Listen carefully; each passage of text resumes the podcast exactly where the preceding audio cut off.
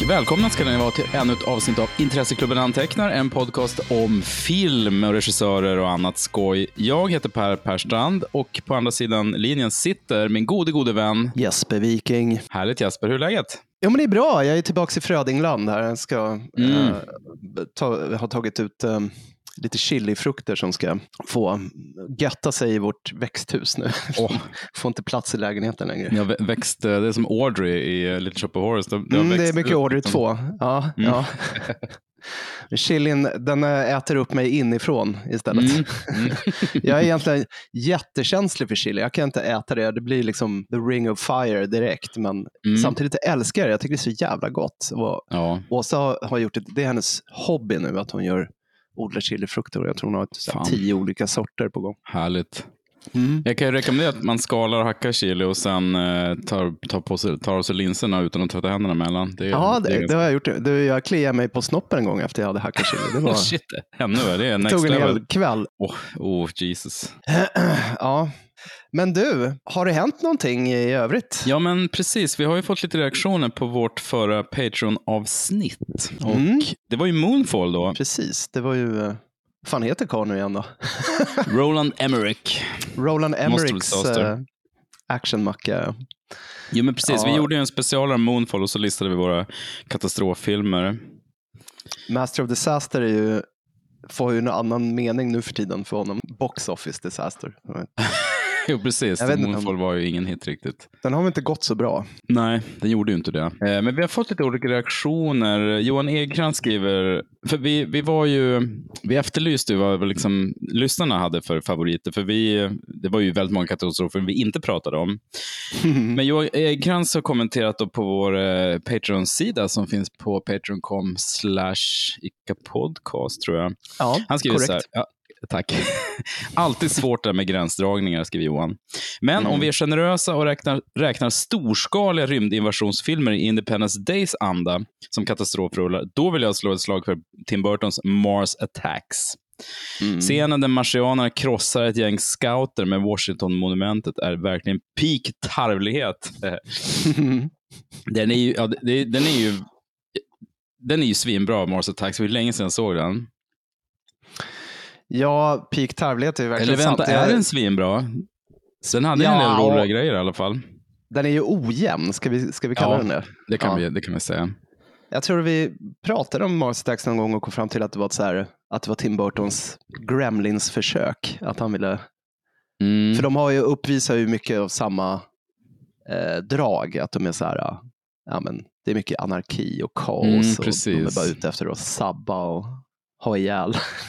Men med mycket svart humor. Det som gjorde Mars Attacks lite konstigt tycker jag, det var ju delvis Jack Nicholson i alla hans Just, roller. han spelar flera roller som i Dr. Strangelove.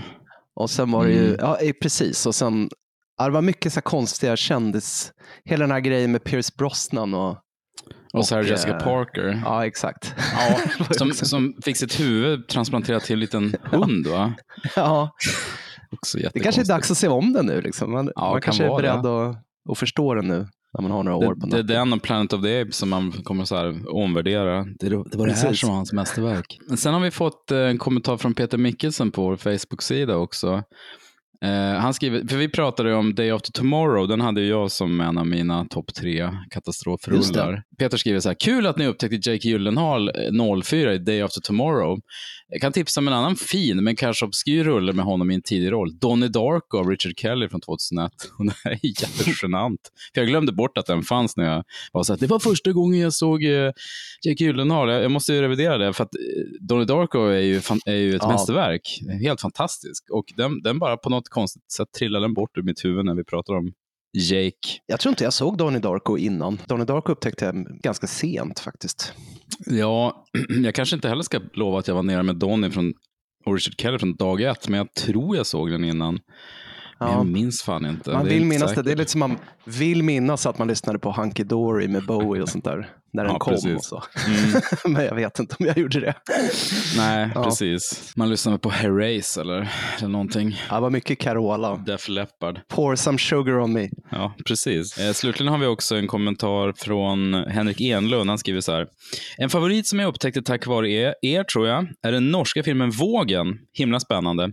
I Böljan. den är, ja, men precis, Böljan. I den är det inte många karaktärer och sidoberättelser. Tvärtom, apropå troper. Vi klagar ju ganska mycket på att eh, Emmerich strösslar med biroller Mm. i sina filmer.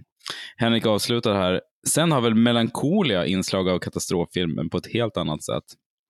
Jo.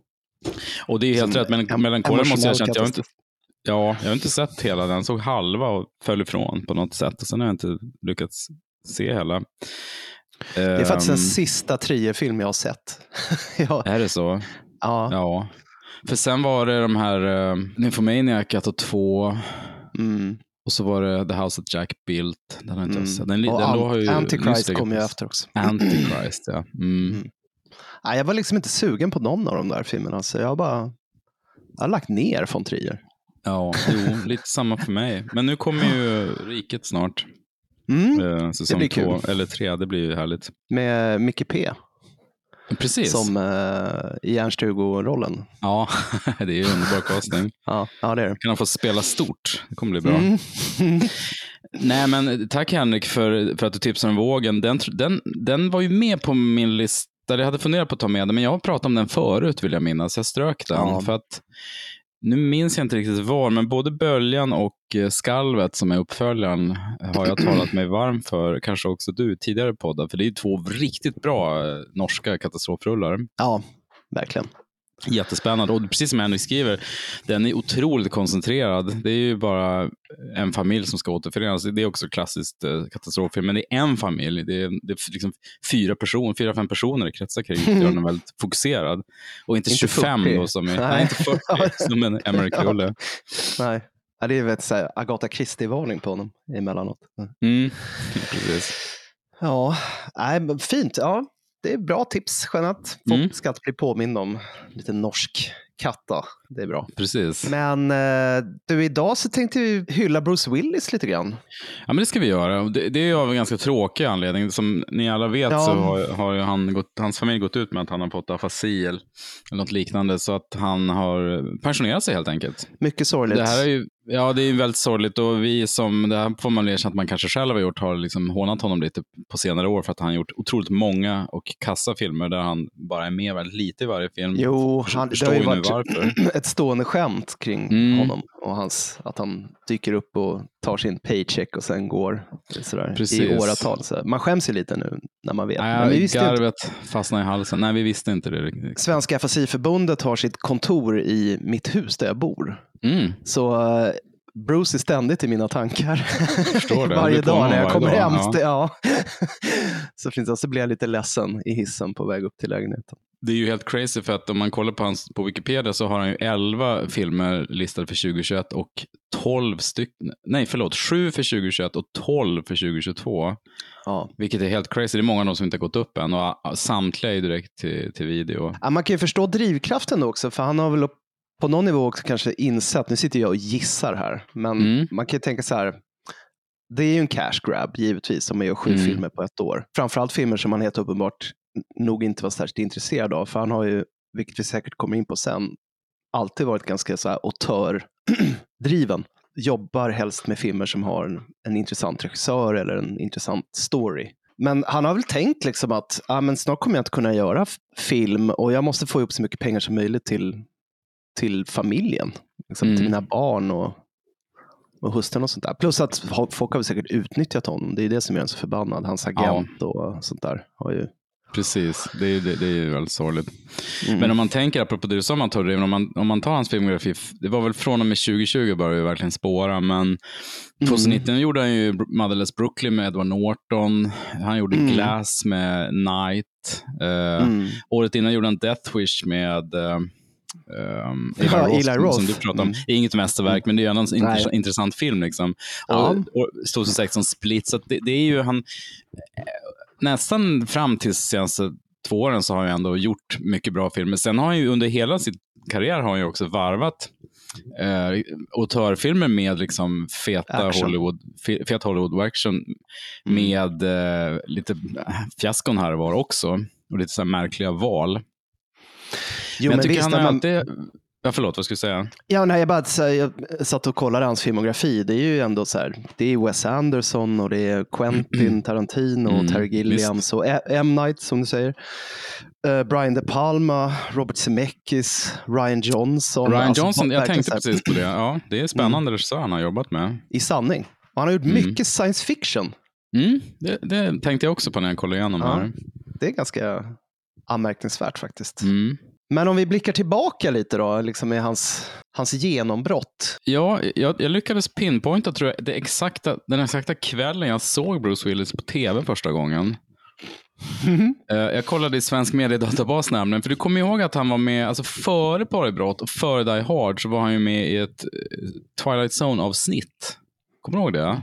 Ja, just det, i um, precis nya Twilight som, Precis, på, det- som kom Twilight 85 Zone- där. Eller vad? Exakt, det, det kom ju en ny sväng med Twilight Zone. Det var ju tre säsonger mellan 85 och 88. Och då hade jag ganska tydliga minnen av, vi har ju snackat om den här Nightcrawlers i en tidigare podd, Mm. som också ingick i den här första nya säsongen 85. Men Bruce Willis är med i ett avsnitt som heter Saturday, där han, eh, han är på en bar och så ringer han hem, tror jag, ska kolla läget och så svarar han själv då, så att någon slags klon eller doppelganger har just tagit det, över ja. hans liv. Just jag- det, det är en Wes Craven-avsnitt, va? Är det inte det? Jo, precis. Det var, det var ju det. Eh, han regisserade en snubbe som heter Alan Brennert, uh, skrev manus. För det är ju, det är ju, jag minns det som ett ganska kusligt och väldigt Ja. effektivt litet avsnitt. Mm. Men då, eh, i ett desperat försök att skapa mervärde, så, så går- kollar jag upp på, eh, efter då Dynastin och Popgala från Montreux, väldigt, två väldigt tidstypiska 80-talsprogram i svensk tv. det är en tidsmarkör. Montreux. Ja, det är det verkligen. Mm. Den, den 18 juli 1986 så visades Saturday på tv och jag, jag vill, kan nog säga att jag minns att det var lite kusligt och mysigt, för det, var- det var ett väldigt bra avsnitt. Ja, det är samma här då. Ja, men jag, jag tror det. Det intressanta Mm. är ju att eh, det här visades ju 85 på eh, i USA, så det dröjde ju ett år innan det här avsnittet kom på tv. Och, det var, och sen Paribrott, då, som, eller Moonlighting, som startade 85, också då i USA. Det, det, start, det, det rullade igång hösten 87 i, i Sverige. Så på den Mm. tiden tog det ju några år ofta.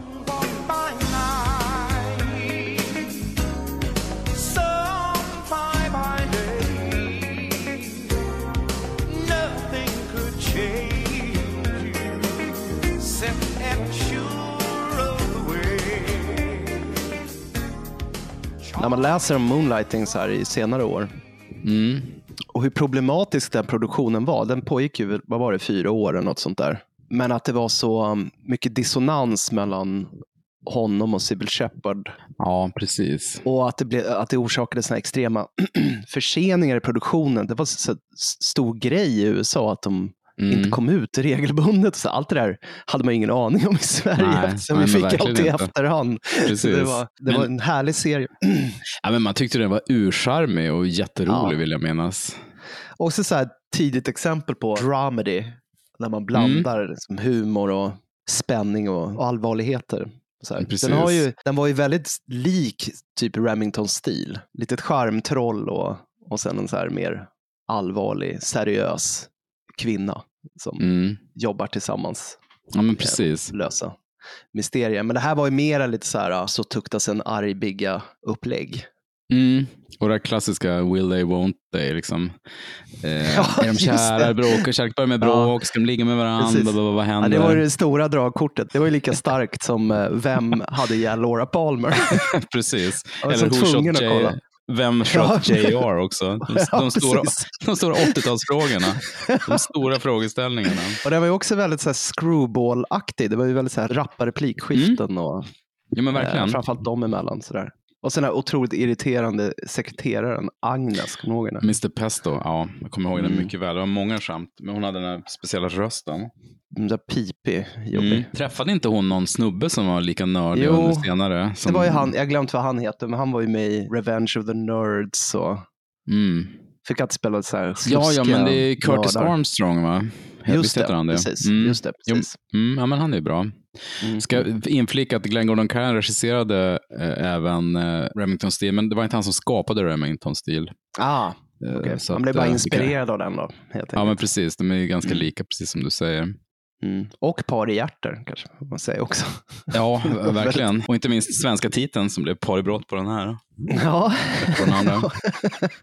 men folk känner igen sig. Äh, moonlighting måste ju varit ett svårt begrepp att översätta eh, till svenska. Så. Men det var ju en, ett jättegenombrott för, Mm. för Bruce. Jag, menar, Det det jag kommer ju ihåg hur man, hur man drogs till honom direkt. Att så här, den här personen vill jag bara ha mer av. Mm. Ja, men han är oerhört charmig och kan, kan ju vara väldigt odräglig, men eh, charmig samtidigt. Liksom. Man ursäktar det. Mm, man gör det. Han har i och för sig alltid haft den här höga hårlinjen, men eftersom han blev flintis, eller i alla fall raka huvudet, så pass tidigt i karriären, Mm. så ser ju jag honom, alltså för mitt inre öga, som den här lite sköldpaddsaktiga snubben han har varit Mm. under merparten av sin karriär. Därför är det intressant när man återbesöker de här tidiga rollerna, att ja, just det, fan, han var ju rätt. Alltså man blir påminn om att han hade mycket sexappeal också. Mm. För han var ju aldrig het, läcker snubbe i eh, liksom, sann bemärkelse, eller konventionell bemärkelse, men Nej. han var, han var gullig. Liksom. Jag vill Mm. komma ihåg att han var en sötis, som tjejerna på gymnasiet uttryckte det. Ja, precis. Nej, men han Ja. var inte så här klassiskt snygg som Pierce, ap ap apropå nu par i hjärter och Mm. Remington Steels. eh, Både Robert Wagner och eh, Pierce var ju liksom snygga, stiliga leading men, men han, han var ju inte det klassiskt så här Hollywood-snygg, utan mer Ja, men som du säger, lite, lite lurig och spjuraktig. Men det, det är också Mm. intressant för att han var ju ändå 30, han var 30 år när han slog igenom i Moonlighting, så han var ju ganska vuxen redan sent. då. Det var, det var Mm. ju sent och, och i våra ungdomsögon såg han ju ut som lite mer som en gubbe. Han var ingen sån Timothy Chalamet-typ som slog igenom jättetidigt. Nej. Så att han, har ju, han har ju alltid sett lite vuxen eller eh, gubbig ut kan man säga. Sen är det jätteintressant att följa hans hårfäste genom filmerna. Det går lite fram och tillbaka. Han har ju mycket mer hår i Die Hard till till exempel jämfört med Die, Die Hard 1. Så det här har ju växt på sig Ja. efter, efter två år. Mm. Och han kämpade ett tag med sin, med sin hårsituation. Han gjorde det enda värdiga. Ja, till slut man gör det. Så han blev ju upptäckt av Hollywood Mm. kan man väl säga via Moonlighting. Och då fick han ju sin första stora chans. Han hade ju förvisso gjort lite sådana här ja, men statistroller kanske i filmer innan. Men Ja, precis. Det var py- pytteinhopp. första- Det här var ju hans första riktiga roll. stora riktiga roll på film, det var ju Blake Edwards Mm. Blind Date. Less than 12 hours ago, this man had a good job and a promising future. Last night, he went on a blind date. Today, he's paying the price. You're allowed two phone calls. Hey, Ted, it's me. Walter. Your brother, Walter. And I'm just calling to thank you for fixing me up with Nadia last night. Hey, she's gorgeous. Oh, you were right about not letting her drink. It was really cute how a little champagne brought out those charming quirks in her personality. Walter, what the? She made quite an impression on my boss, too. I'm fired. Fired? But you know what really elevated the evening out of the realm of the ordinary? Having Nadia's psychotic ex-boyfriend as a chaperone. You son of a... And you know those dancing lessons we had to take in junior high, Teddy? Finally came in handy. Dance! Moonwalk! I hate that! In fact, my evening was so entertaining, so exhilarating, so stimulating, such an utterly unforgettable experience that if I weren't already behind bars, I'd be committing a murder right now! Yours! Kim Basinger, Bruce Willis, Blind Date. Anybody out there got 10 grand for bail?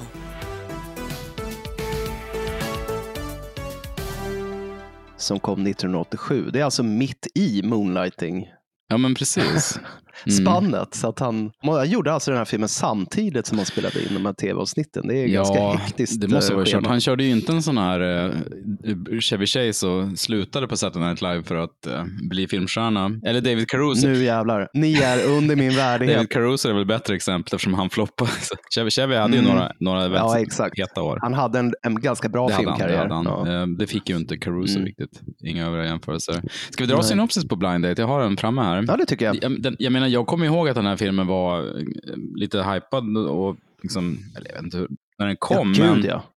Jag var jättetaggad Ja. på att den skulle komma ut. Jag såg den inte på bio, men jag kommer ihåg reklam. Du vet de här pappskyltarna på, i videobutiken. Kommer nästa vecka, så här blind date. Mm. Det var en big deal. Han från Ja, precis. Harry Brott som jag älskade. Jag tror inte jag såg den back in the day, men synopsis är i alla fall detta. Walter Davis, spelade Bruce Willis, är arbetsnarkoman och lägger allt sitt krut på arbetet och mycket lite på privatlivet. Han måste nu få tag på en dejt till en affärsmiddag med en ny viktig kund.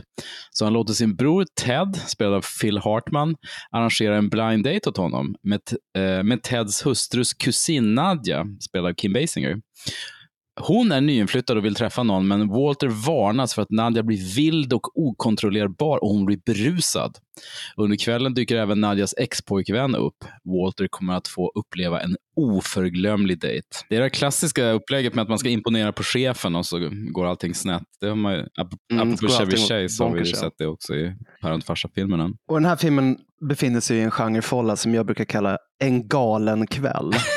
ja, verkligen. Som har sitt ursprung i just så här gamla ja, men screwball-komedier. Mm. Alltså det, det är ju inte svårt att tänka sig Cary Grant och Catherine Hepburn Nej, i men de här rollerna. inte. Men det gjordes ganska mycket av den varianten där på 80-talet. Mm. Jag tänker på så här, du vet, After Hours, Scorsese som Mm, vi snackade om. Det är också ett som typexempel. Who's That Girl? Adventures in Babysitting är också en sån där, Just det.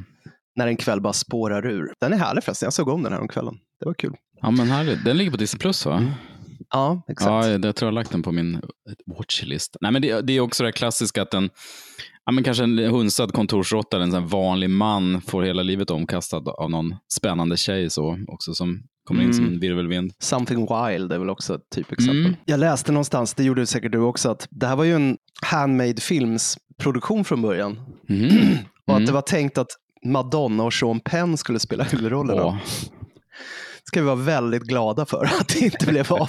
Ja, vi fick ju Shanghai Surprise, så den var ju inte... Apropå floppar. Den hade ett bra ledmotiv av George Harrison. Blake Edwards, alltså um, slapstick-nestorn. Han är väl mest känd idag för eh, Rosa Pantern-filmerna. Ja, absolut. Men han gjorde ju förstås, alltså Breakfast at Tiffany's är ju också en av hans mest Mm. kända filmer förstås. Men det var ju, det var ju Pink Panther-rullarna man växte upp med. Och de här uh, mer svarta filmerna han gjorde också. Här, kommer du ihåg de här SOP, så här, Mm, Paniken i drömfabriken och de här. Ja, med han eh, Robert, eh, alltså han Bertie Mulligan. Precis. Mm. Den var fin. Julie Andrews, Edwards, som var gift med Edwards, var det inte så? Mm, men precis. Men det här var ju slutet av hans karriär. Han gjorde inte så många fler filmer efter den här. Han gjorde Nej, Blind Date, han gjorde den här Sunset direkt efter, också med Bruce Willis i huvudrollen. Så han trodde Mm. ju verkligen på Bruce. Han, han eh, tyckte han var bra, mm. hade ja, komisk talang. Det kan man ju hålla med om. Men Blind Date är ju på många sätt ganska påfrestande. Ja, ju, det kan man säga. jag har ju alltid lite så svårt för såna här uh, farsfilmer. Mm. När det blir, eh, pågår hysterier och sånt där. Jo, Det framgår att han tar med Kim Basinger på en blind träff. Vad kallar man det i Sverige? Blind? det är det jag funderar det? på, men det, det kanske heter Ja. eh, Blind Date. Blind date bara. Och har blivit varnad att hon inte får dricka alkohol. Så, så ska han ändå vara romantisk och bjussa på champagne och hon blir ju bara spårar ur och är liksom helt gränslös. Och det räcker ju att hon dricker egentligen två klunkar, så efter fem minuter är hon helt crazy, så håller det i sig i flera timmar. Precis, och då, apropå Kim Basinger, som, hon gör ju verkligen så mycket hon kan av en, på pappret, liksom ganska otacksam roll. Ja, Och det känns lite som att Blake Edwards regi bara gick ut på att säga du, du ska fnittra, så här. Det, är- Mm. det är roligt, så här. Då, då, då är du full, det är kul, liksom. fnittra Mm. mycket. Så det är det hon gör i större delen av filmen. Men hon har ju helt uppenbart en komisk begåvning ändå, mm. som lyser igenom. Och jag tycker det är synd att hon inte fick visa upp den sidan oftare. Men det är ju som vanligt i Hollywood, så här, att om du är läcker och rolig på en och samma gång, då blir det så kognitiv dissonans. Dissonans. Hon kan inte hantera det. Nej, det så, inte. så is- istället fick hon bara spela fatale och kvinnor Precis. i nöd. Nej, men hon, hon, är ju, hon är bra, men jag håller med om att hennes, hennes roll är väldigt skissartad. Man, man vet ju inte vem hon är när hon är nykter egentligen. Eh, inte så välskriven roll. Sen blir jag också förvånad att Eh, jag, jag trodde nog att Bruce Willis skulle ta mer liksom, center stage som komedistjärnan här, men det, filmen går ju Mm. väldigt mycket ut på att han egentligen bara reagerar på... Han får ju blomma ut lite mot Ja. slutet av filmen, men väldigt långt i filmen är det bara att han... Re, Han är en straight man. Han är straight man och det är hon som är crazy. Och det, är ju, Mm. det är ju be- befriande, för, för det, är ju, det var ju lite oväntat den här snygga då, Kim, Kim Basinger skulle vara jävligt kul. Men det gör ju också att det är Precis. lite svårt att, alltså det är lite slöseri, för det känns som Bruce Willis skulle kunna, någon, någon, vem som helst annan skulle nästan kunna ta hans roll i den här filmen. Han är ju bara hunsad liksom första timmen och det är ju lite trå, tråkigt Ja. tycker jag. Nej men visst, det, jag menar, ha- han är ju ersättningsbar. Man hade ju lätt kunnat se till exempel Griffin Dunn i den här Mm. rollen. Alltså från After Hours. Eller Ja. John Ritter, du vet. Ja, just det. var- Ja, det hade varit perfekt. Han hade ju också kunnat göra den här Mm. rollen bra. Så jag håller med. Och det är ju alltid roligt att se Phil Hartman också. En ganska bra casting att ha honom Mm. som någon sorts storebror till eh, Bruce Willis. De har, ju, de har ju något drag gemensamt. Jo. Phil Hartman är så, han är så jävla... Han spelar så här bilförsäljare. Mm. Så jävla... Han är så slemmig. Mm. Man blir bara full i fniss när man ser Phil Hartman. Jag saknar honom jättemycket. Ja, alltså, dystert öde. Han, han, är ju, han spelar ju ofta den här rollen, ehm, Mm. men han gör den ju så jävla bra. Hela den här uh, ut, händelseutvecklingen leder ju fram till en ganska lång restaurangscen som jag också tyckte var ganska plågsam. Det är mycket springa och ramla och allting eskalerar. Hon ställer ju till med en scen Mm, hela ju tiden. jag, jag fick ju så svett i handflatorna. Men jag är jätteallergisk mot sånt där. När folk stör ordningen i, Mm, precis. i sociala sammanhang. Jo. Det är verkligen så här. Jag blir jättenervös av Kan du det. inte bara sätta sig ner och vara tyst? Ja, och den är lång den här scenen också. Ja, obönhörligt lång. Och det blir svettigare och svettigare. Men det blir nästan som ett avsnitt av Pang i bygget när allt bara eskalerar i, i realtid. Det bästa är ju när hon, när hon hamnar i gräl med kyparen. Alltså Just det. Armin Zimmerman som är, Mm. han spelade Quark i Deep Space Nine så jag älskar honom. Ah. Men eh, hon var så här, ah, pratar du riktig franska eller bara så här skitnödig menyfranska? Mm, det är Och jätteroligt. sen så bara eskalerar det. ja, den, den, är, den scenen var faktiskt väldigt rolig. Ja, men precis. Eh, det, och det är kul för att de är verkligen supersnorkiga, både liksom hovmästaren och, och den här, eller restaurangägaren och Ja. hovmästaren. Det är som nidbild av en Mm. flott restaurang. Men det känns som att det, det, det kanske var en liten trope där i amerikanska 90-talsfilmer, att det börjar bli så här märkvärdigt på restaurangerna, de här upscale-restaurangerna, och så skulle man driva, driva med det. Det roliga är ju Mm. att Armin Zimmerman, han är ju, för jag känner honom från Seinfeld, han gör ju något inhopp Mm. där. Och det är så kul för att först kommer ju restaurangägaren som är Babu då från, från eh, Seinfeld. ja. Eh, Och sen kommer han då, som också är med i Seinfeld. Så det var mycket så här, hög koncentration av Seinfeld-inhoppare. nu, finns, nu är det ju jävligt många skådespelare som, liksom, det, det, det var ju samtidigt också, så det är inte jättekonstigt. Men eftersom han alltid Mm. kommer vara Babu, den här skådisen, så var det kul att se honom i Mm. något annat. Och sen så får vi ju också stifta bekantskap med Nadias ex, den här psykotiska för detta pojkvännen. Spelad av precis. John Larroquette, ännu Mm. en 80-talsstapel som man inte har sett mycket av på, på Ja, senare men, dagar. men verkligen, för det var länge sedan jag såg honom och först tänkte jag så här, men att, att jag tyckte han var lite tråkig, han känns som en så här fattigmans eh, Charles Grodin egentligen, för Grodin skulle ju vara Mm. bra i den rollen, men sen tyckte jag, han får ju mer att göra framåt eh, andra halvan av filmen. Och sen, Mm. ja, det här gav mig sådana enorma liksom, Ros- Rosa Pantern-vibbar, för det är, det är en running gag att han kör in i väggar hela tiden med sin bil. ja, och butiksfönster. Butiksfönster. Det är jätteroligt.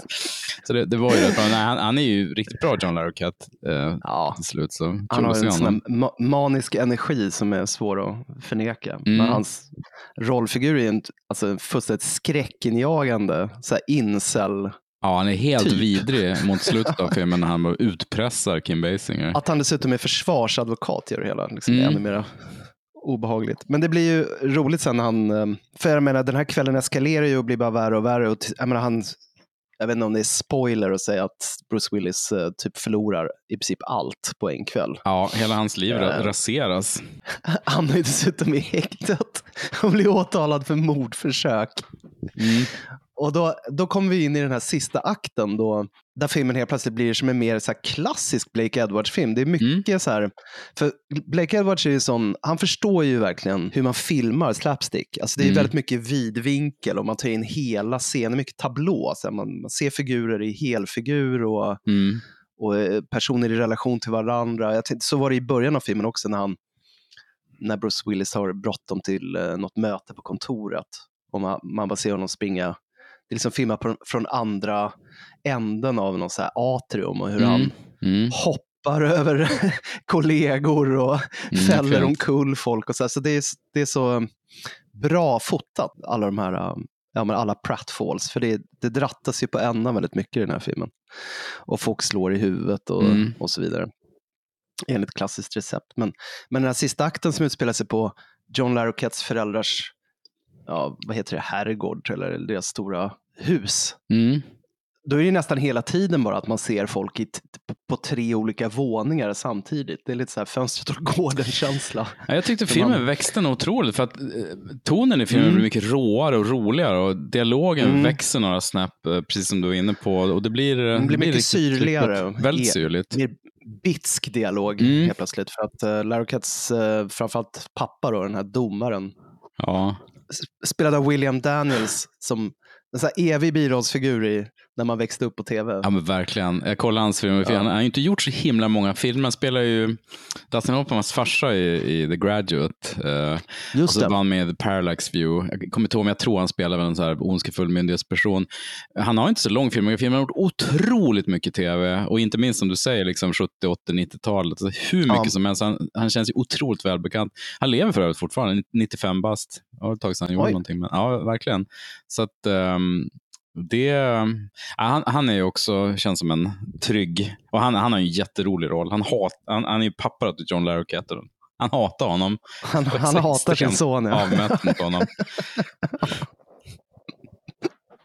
Så att, eh, Ja. nej, charmig, väldigt charmig sista halvtimme kan man säga. Det är då också Edwards kommer till sin rätt. För att det bästa med slapstick det är de här lite mindre, mer liksom subtila skämten. Mm. Inte så mycket att folk så här, trillar ner från stuprör i rabatter och sånt där. Mm. Utan mera, eller typ sängar brakar ihop, utan mer de här små. Du vet den här scenen till exempel när Bruce Willis infiltrerar ju den här herrgården för att han, Mm. han ska ju förhindra John Larroquette att gifta sig med Kim Basinger. Och då gömmer han sig under Larroquettes föräldrars säng. Och den här pappan bara sparkar till någon golfboll som ligger där på mattan. Mhm. Så den rullar in under sängen och slår Bruce Willis i huvudet. Och man får ju inte se det, men man bara Nej. hör du vet, så här.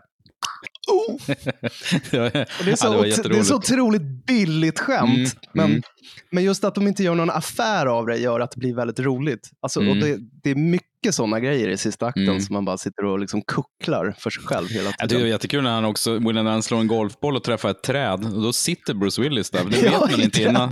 ja. Så han bara rasar ner så här, bluff, i marken. Ja, det, är Och de- liksom, det är vintage Blake Edwards. Ja, det är jättebra. Det är direkt ur en Rosa Pantern-film. Det Ja. Jag, jag älskar det där. Det är, det är precis som, men du vet, det är som Papphammar. Du vet, där Mm. att han, det var inte nödvändigtvis det roligaste att han trillade omkull, men utan det var ju snarare de här små fumligheterna Ja, som Gösta precis. Ekman är så fantastisk på. Det är det Mm. som man verkligen skrattar åt. Mm. Nej, det, jag håller med. Den, den lyfte verkligen där i sista akten. Det var, det var härligt. Det, det, det verkligen blev en, så här, en sängkammarkomedi där. Ja, De precis. eh, springer omkring, inte springer omkring, men de smyger omkring i huset där. Det händer mycket skoj. Väldigt märklig grej dock. Jag noterar ju en del tropes i den här filmen och en utspelar sig i den här sista akten. Det är det här att på film så kollar man liksom aldrig varför en vakthund skäller. Nej. Utan den ska liksom bara vara tyst. Mm. Så här, tyst. Kan ingen få tyst på den där hunden? Men det, men det är ju en vakt. Varför ingen, Ja, ja, precis. För det är så uppenbart Varför att det är någonting, men alla blir bara jätteirriterade. ja, Som att hunden bara är någon slags statusmarkör och så blir man ja, exakt. störande när den själv. Sen är det en annan trope som dök upp i, i mellanakten. Det är ju det här att, apropå Bruce Willis, när han, när han har fått nog. När Mm. han är så, när han har, när han har flippat ur. Mm. Då gör de den här klassiska grejen. Han får sin skjortkrage uppfälld. Och så hänger Just så det. ena skjortflärpen utanför Mm. byxan. Mm. Då har man liksom tappat det det- på film. Då är det kaos, verkligen. Då har man Det är väldigt tydlig markör. Mm. Så det är fint. Och sen så också när de, de var på någon, eh, något diskotek där. Mm. han och Kim Basinger, när han blir ertappad av uh, dörrvakten med att, stå och glo in i damtoaletten för att han tror att hon är där Just inne. det. Och han bara ser ut som en fluktis. Också så pinsam Mm. förklaringsscen. Men eh, då uppstår det en sån här klassisk saloon-fight. Och det är också en sån här grej som bara händer på film. Att så här, någon sopar till någon som knuffar till någon och då Precis. får han en snyting och, sen, och så eskalerar och folk som inte är, har någonting med saken att göra bara helt plötsligt krossar en ölflaska Ja, och kastar sig över ett bord. Det är ingen som stannar upp och bara, vad, vad, vad håller ni på med? Utan bara, nej, nu kör vi. Alltså, direkt in i slagsmålet. Startar Så att det direkt. var det alla längtade efter Ja. egentligen. Det låg hela tiden och bubblade Ja. under ytan. Ja. Behövdes bara en liten gnista. Ja, apropå små gags, det är, också, det är en rolig grej i den här i övrigt extremt ångestladdade middagsscenen. Det är den här äh, ärkekonservativa japanska eh, företagspampen Ja, som det. Bruce Willis och hans kollegor ska imponera på för Mm. att landa någon viktig affär av Precis. något slag. Och Kim Basinger bara förolämpar honom, hela sällskapet. och han blir så upprörd så han sitter så här och, och dricker så här sherry eller om det är ett stort glas portvin eller någonting med båda händerna. Och så kommer hon ut och ska hålla så här ett tal och bara börjar slå med en sked i hans vinglas medan han försöker dricka. så han liksom når aldrig, får aldrig upp den till munnen. Sånt är också väldigt roligt. Det var typ det bästa med hela den scenen. Om man gillar sådana små grejer, då är den här helt klart värd att, att ta en titt på, tycker jag. Absolut, jag, jag tycker man, eh, vi kan rekommendera den. Den finns att strömma på eh, iTunes till exempel. Förvånansvärt nog, det är ver- verkligen inte den typen av film man förväntar sig att, att hitta Nej. på en streamingtjänst. Nej, det känns som en sån grej som hade gått, gått förlorad i någon sorts arkiv länge sedan. Precis. Men, ja, det, var, det, var kul, det var kul att se om den. Mm. Den är extremt som ett tidsdokument över LA på 80-talet. Jag menar, Mm. Bara i introt där när kameran sveper över Bruce Willis sovrum hans överkast och kuddar är också så extremt 80-talsmässiga. Det är Mm. Memphis-gruppen, fint allting. Mycket, mycket så geometriska former, Mm. triang röda trianglar, svarta kva- kvadrater. mycket grått och rött och vitt. Det är härligt. Jag blir på skitgott humör. där.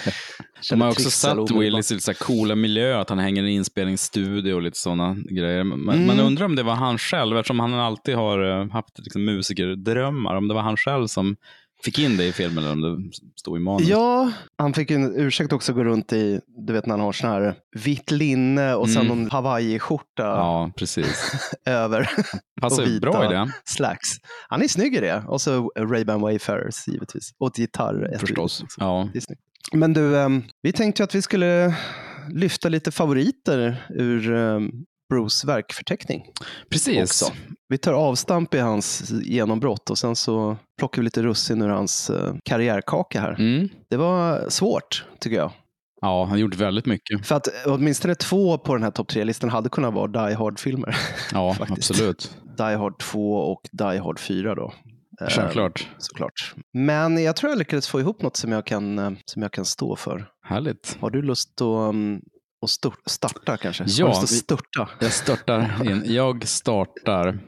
Ja, nej, men innan jag börjar min topp tre så jag blev påminn om det här tv-spelet Apocalypse som kom 1990. Nej, nej 98 kom det.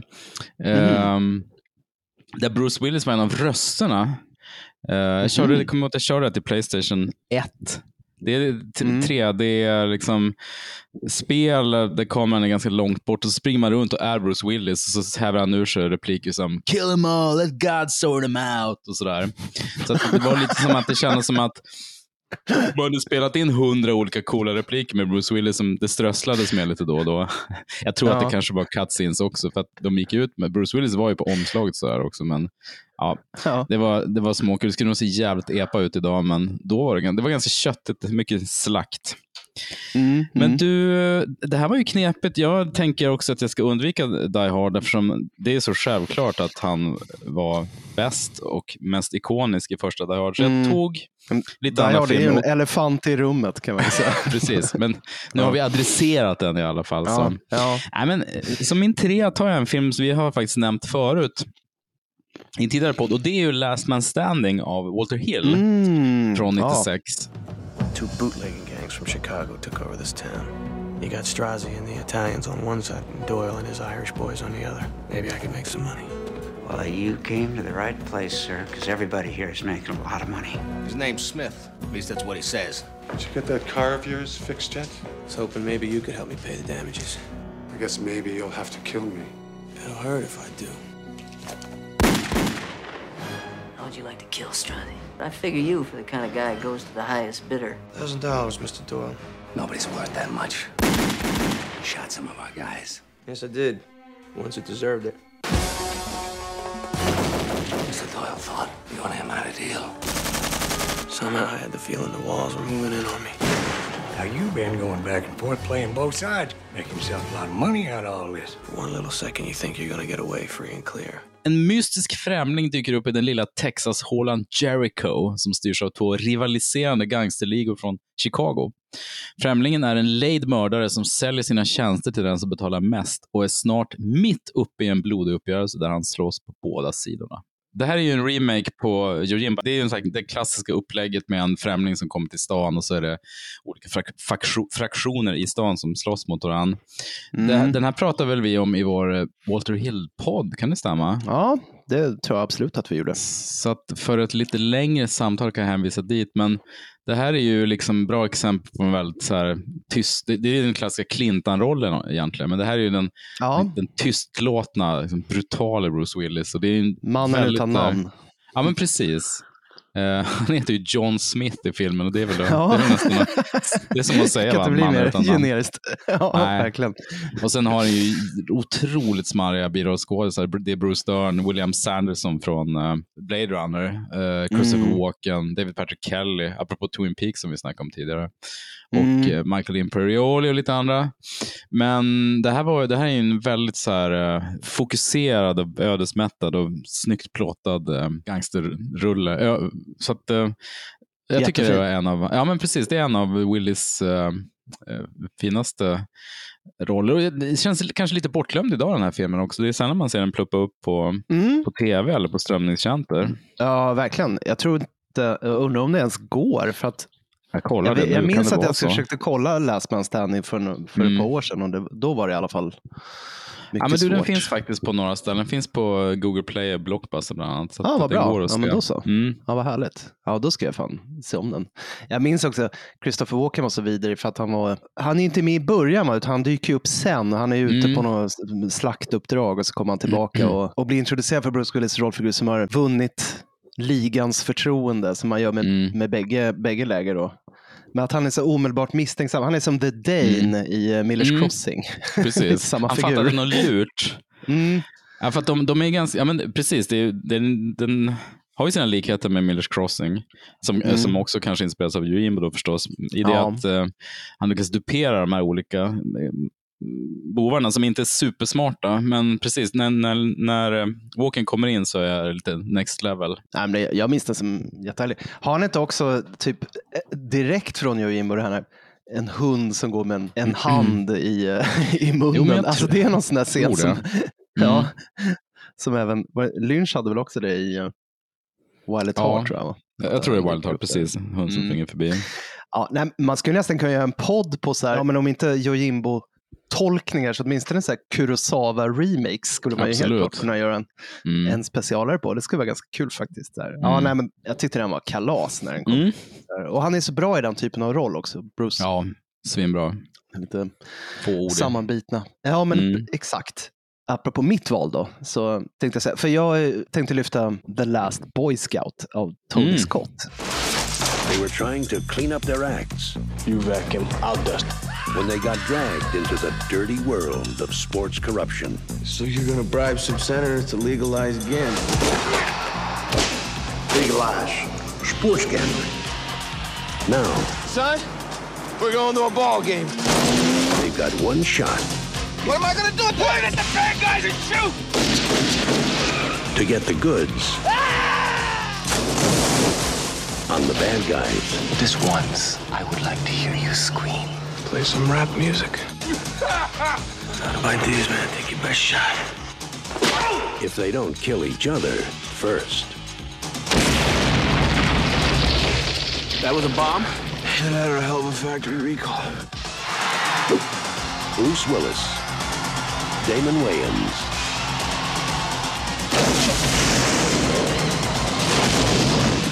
the last Boy Scout. Danger's my middle name. Mine's Cornelius. Tell anybody I kill you.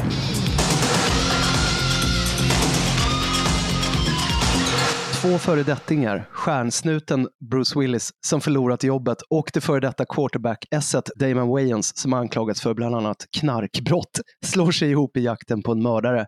Det visar sig att de har petat i ett riktigt getingbo och för att överleva måste de vara ständigt redo. Bruce Willis även om han jag menar, gjorde karriär på att vara en sån här um, person som är slängd i käften. Det är ju också ex, eh, därför extra tragiskt det här med afasin. Att han, Ja, han var ju liksom en sån, han hade the gift of gab. Liksom. Mm. Men han är ju väldigt bra på att spela sorgsen. Och jag menar, det gör han ju också i många av sina absolut bästa filmer. Ehm, typ Sjätte sinnet och Unbreakable. Det, vi kanske kommer att prata om dem, vem vet. Men mm. M. Night Shyamalan förstod ju att ta vara på det kan man ju Ja, säga. men verkligen. Men Bruce Willis är också väldigt bra på att spela en sån här självhat. Mm. du vet, jag vill dra en skiljelinje där för att självhat och sorgsenhet är inte riktigt samma sak, utan det är mer den här uppgivenheten och den här Joe Hallenbeck, eh, polisen som han spelar i den sista scouten är ju Mm. en sån person som har, han har på något sätt alltså, accepterat att han är misslyckad.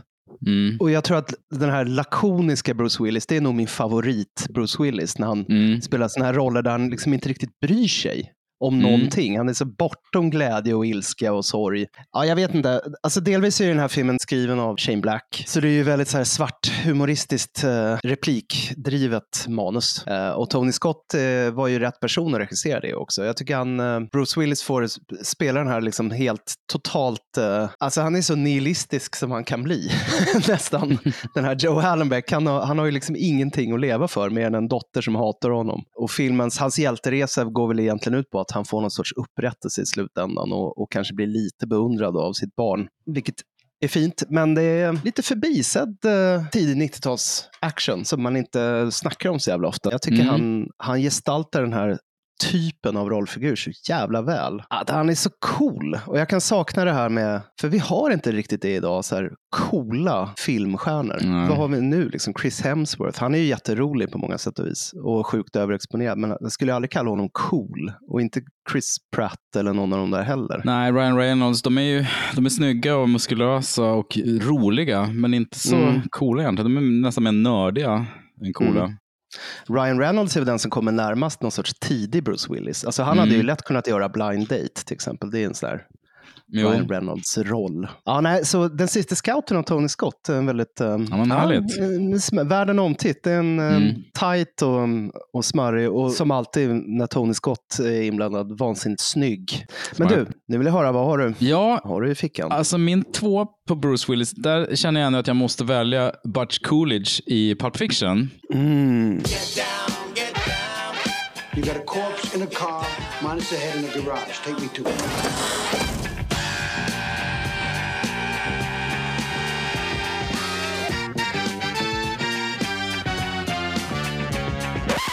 Den kom ju 94 då, kommit från liksom Die Hard som var en jättehit, och Lucas Talking. Men sen kom ju Bonfire the Vanity som floppade ganska hårt. Mortal Thoughts gick väl okej tror jag. Just det, det var Demi Moore. Ja, men va? precis. Sen kom ju Hudson Hawk som var hans stora liksom, vanity-projekt som verkligen floppade hårt. Han var väl inte riktigt på topp. Eh, det var ju absolut inte någon John Travolta-situation som där Tarantino verkligen revitaliserade hela hans karriär, men hur som helst. Nej. Han har ju en ganska liten roll i, i, Pulp Fiction och eh, som många andra av rollerna i den filmen så är det ju en, en, liksom en film noir trope han spelar. Den här boxaren som ska lägga sig för en summa pengar, men han gör inte det. Han tar pengarna och råkar på kuppen slå ihjäl motståndaren och inser då att han måste fly för Marcellus Wallace då, eh, som eh, kommer ju beordra att han mördas. Men då har ju han glömt den här klockan, apropå Christopher Walken, så har jag lämnat den till honom. Den här långa klockscenen är, eh, minns. Var, varför sitter jag och berättar handlingen i Pulp Fiction egentligen? Den har väl alla sett? Jag försöker, det är för att jag själv sitter och försöker erinra mig vad det var. Vi behöver inte köra synopsis på Pulp Fiction. Nej, jag, tror jag. jag insåg det. Nej, men så kommer ju såklart hela den här långa, långa scenen hemma hos, eh, ja, i, i butiken med Zed då. Sad's dead baby. Zed's dead. Han- är dels får han ju eh, svinga en... en, eh, en eh, Ett Hansosvärd då? Är det det? exakt. Nej, det kanske aldrig uttalas, men det är nog säkert ett Hansosvärd. Det- Det är det säkert. Han, Mm. det, precis. Och sen får han ju vara, ja men han får också vara ganska sårbar. Jag tycker de här scenerna med Maria de Medeiros är ganska fina. De, de har en sån, Mm. Det var ju det som genomsyrar hela Pulp Fiction. Att, Lite ömsinta. Ja, men det var ju väldigt omsänt och ömsint och det var ju det som genomsyrar filmen, att Tarantino tog de här liksom, stockfigurerna med lönnmördare och, boxare och andra och Mm. blåste liv i dem. Ja, men gav dem dels det här populärkulturella Le Big Mac-snacket som är så otroligt omskrivet, men också att skildra dem med kärlek och värme och ömsinthet, så att de, de blev mänskliga samtidigt som de var arketyper samtidigt. Det var det som var så fint. Och även om det inte är en så märkvärdig roll för, för Bruce så tycker jag att han var så jävla bra som Butch. Så att han, eh, han, Mm, han ja. eh, lyfte verkligen filmen.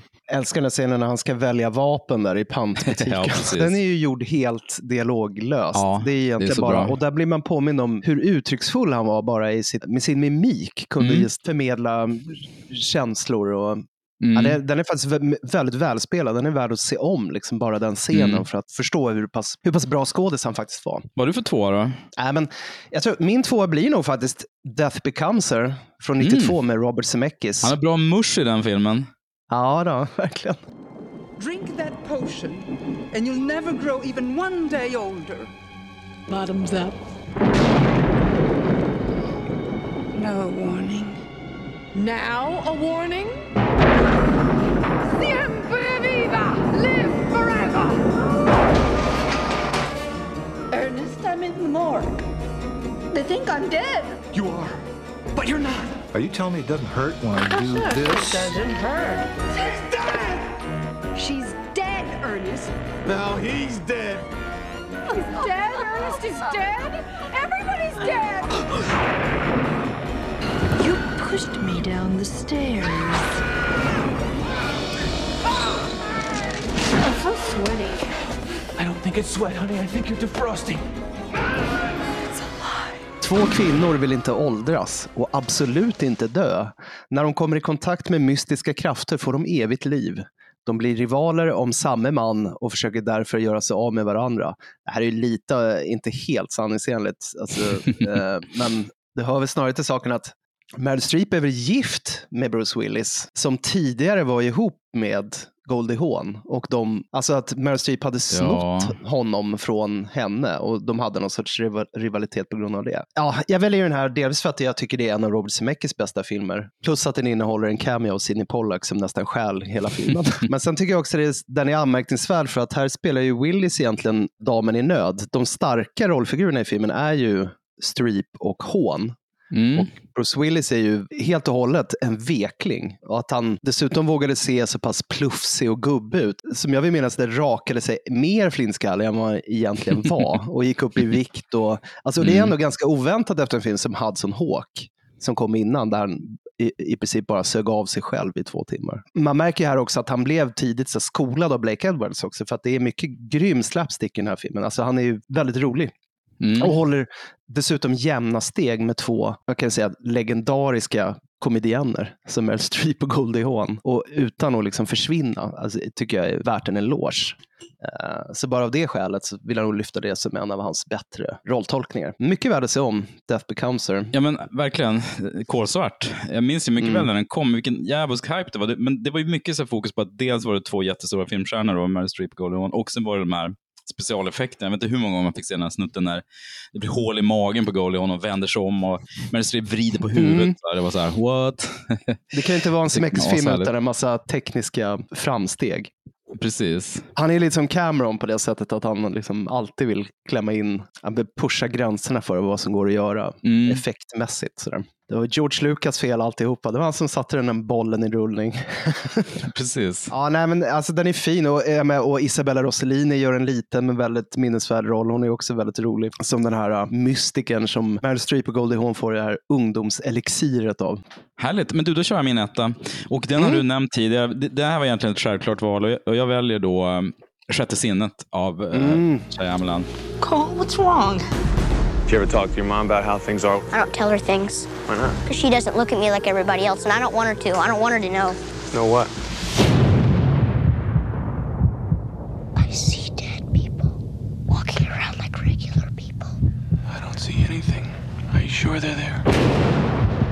Sometimes you feel it inside, like you're falling down real fast. You ever feel the prickly things on the back of your neck? Yes. That's them. They get mad. It gets cold How often do you see them? all the time. Det här var ju, Mm. precis som du sa för en liten stund Sorgsne sedan. så- Bruce.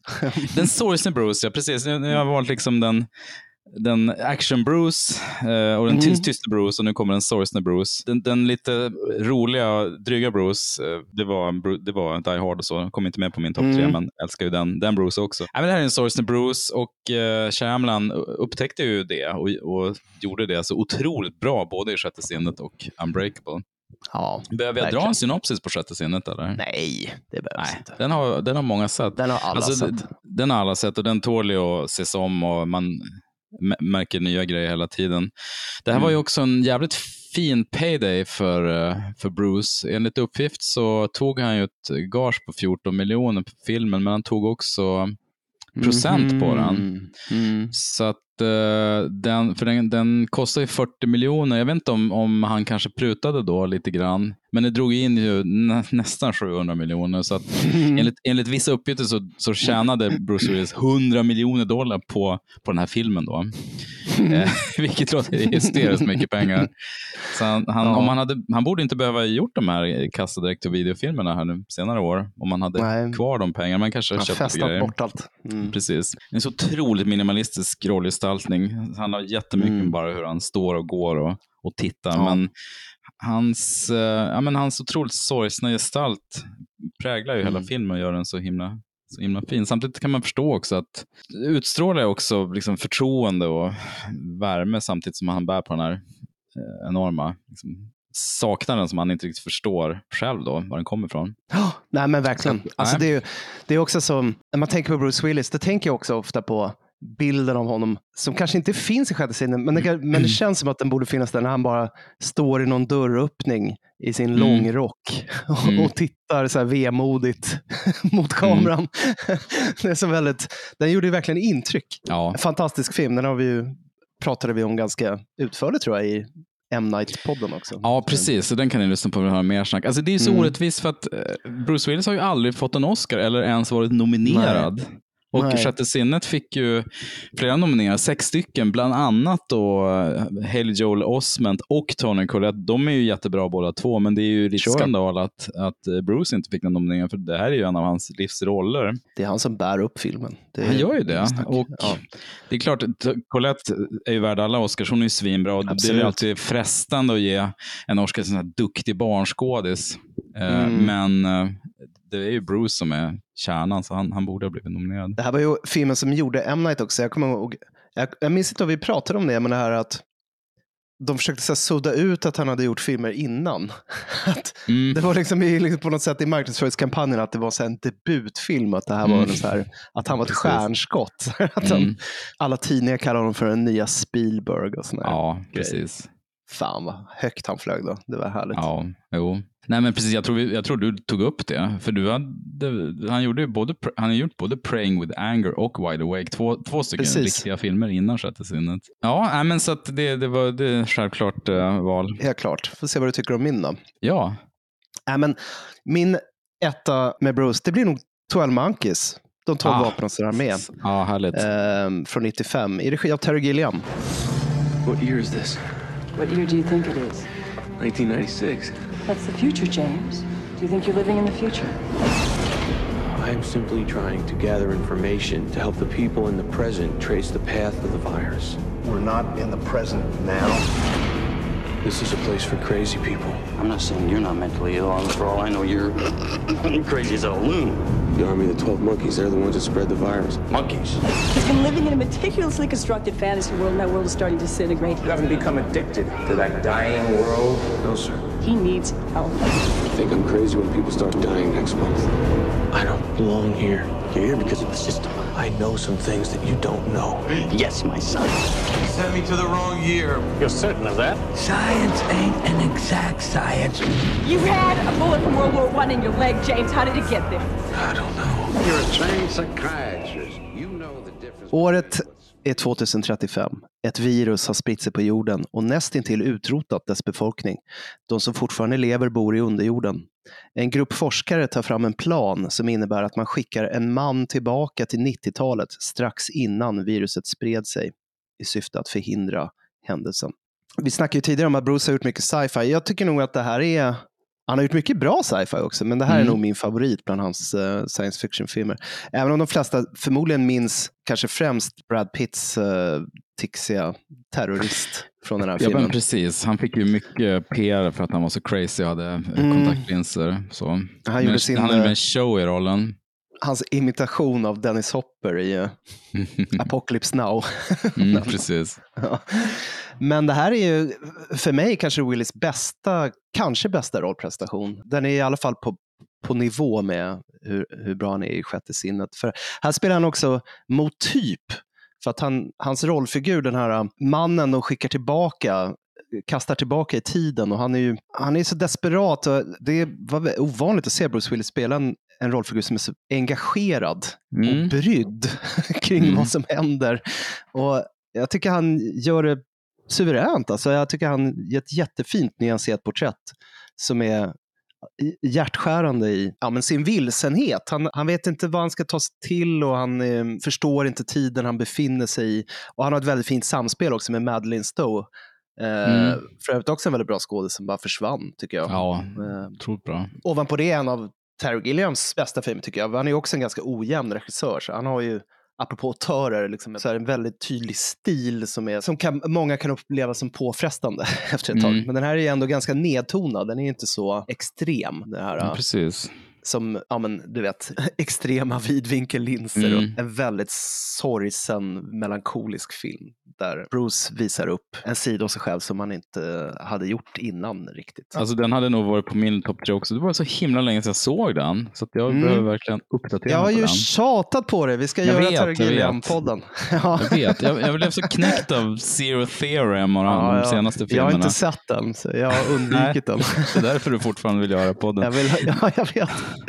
Jag vill hålla honom kärt i minne. Jag såg ju Tideland i och för sig. Det var, den var ju inte så jättekul heller. Och sen den här, vad hette den här knäppa, eh, när han helt plötsligt skulle bli som Sam Raimi och börja göra såna här, eh, eller typ Tim, alltså han och Sam Raimi och Tim Burton började helt plötsligt börja göra här CGI-tunga, vad hette den? Dr. Parnassus Ja, den där experiment, eller den här med Heath Ledger och Johnny Depp. Ja. Mm, Och, den var inte någon höjdare. Eh, Dr. eh, nej, nu tänkte jag på den här Dr. Magoriums Emporium.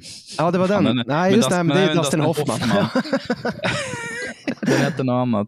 Skitsvår titel hade den. The Imaginarium of Dr. Parnassus hette den. Så var det ja. Gud vad krångligt.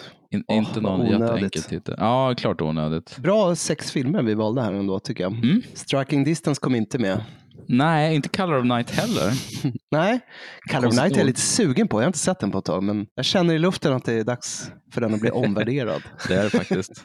ja. Det är det. ja, fan vad gött. Nej, men jag Mm. hoppas att det, eh, vi har gjort eh, Bruce Willis rättvisa här. Ja, precis. Även om han inte kommer göra några mer filmer så har han ju lämnat efter sig en rik skatt av filmer. Ja, det har han verkligen. Jag skulle jättegärna höra från våra lyssnare vad de har för favoriter bland eh, Bruce CV. Det skulle vara det skoj. kul. Ni får liten- supergärna kommentera i alla våra kanaler så Mm. tar vi gärna upp det i kommande podd också. Men du, eh, tack så länge då. Så hörs vi snart. Ja, men tack så inte säga mycket. hörs vi snart, det börjar bli som ett skämt. det beror på vad man definierar snart. Vi, hörs, vi kommer Ja, att höras igen. Så får man se. Ja. hur Det blir. Ja, vi hörs vad det lider. Ja, men det gör vi. Tack för att ni lyssnar och eh, sköt om er. Hej. Hej då.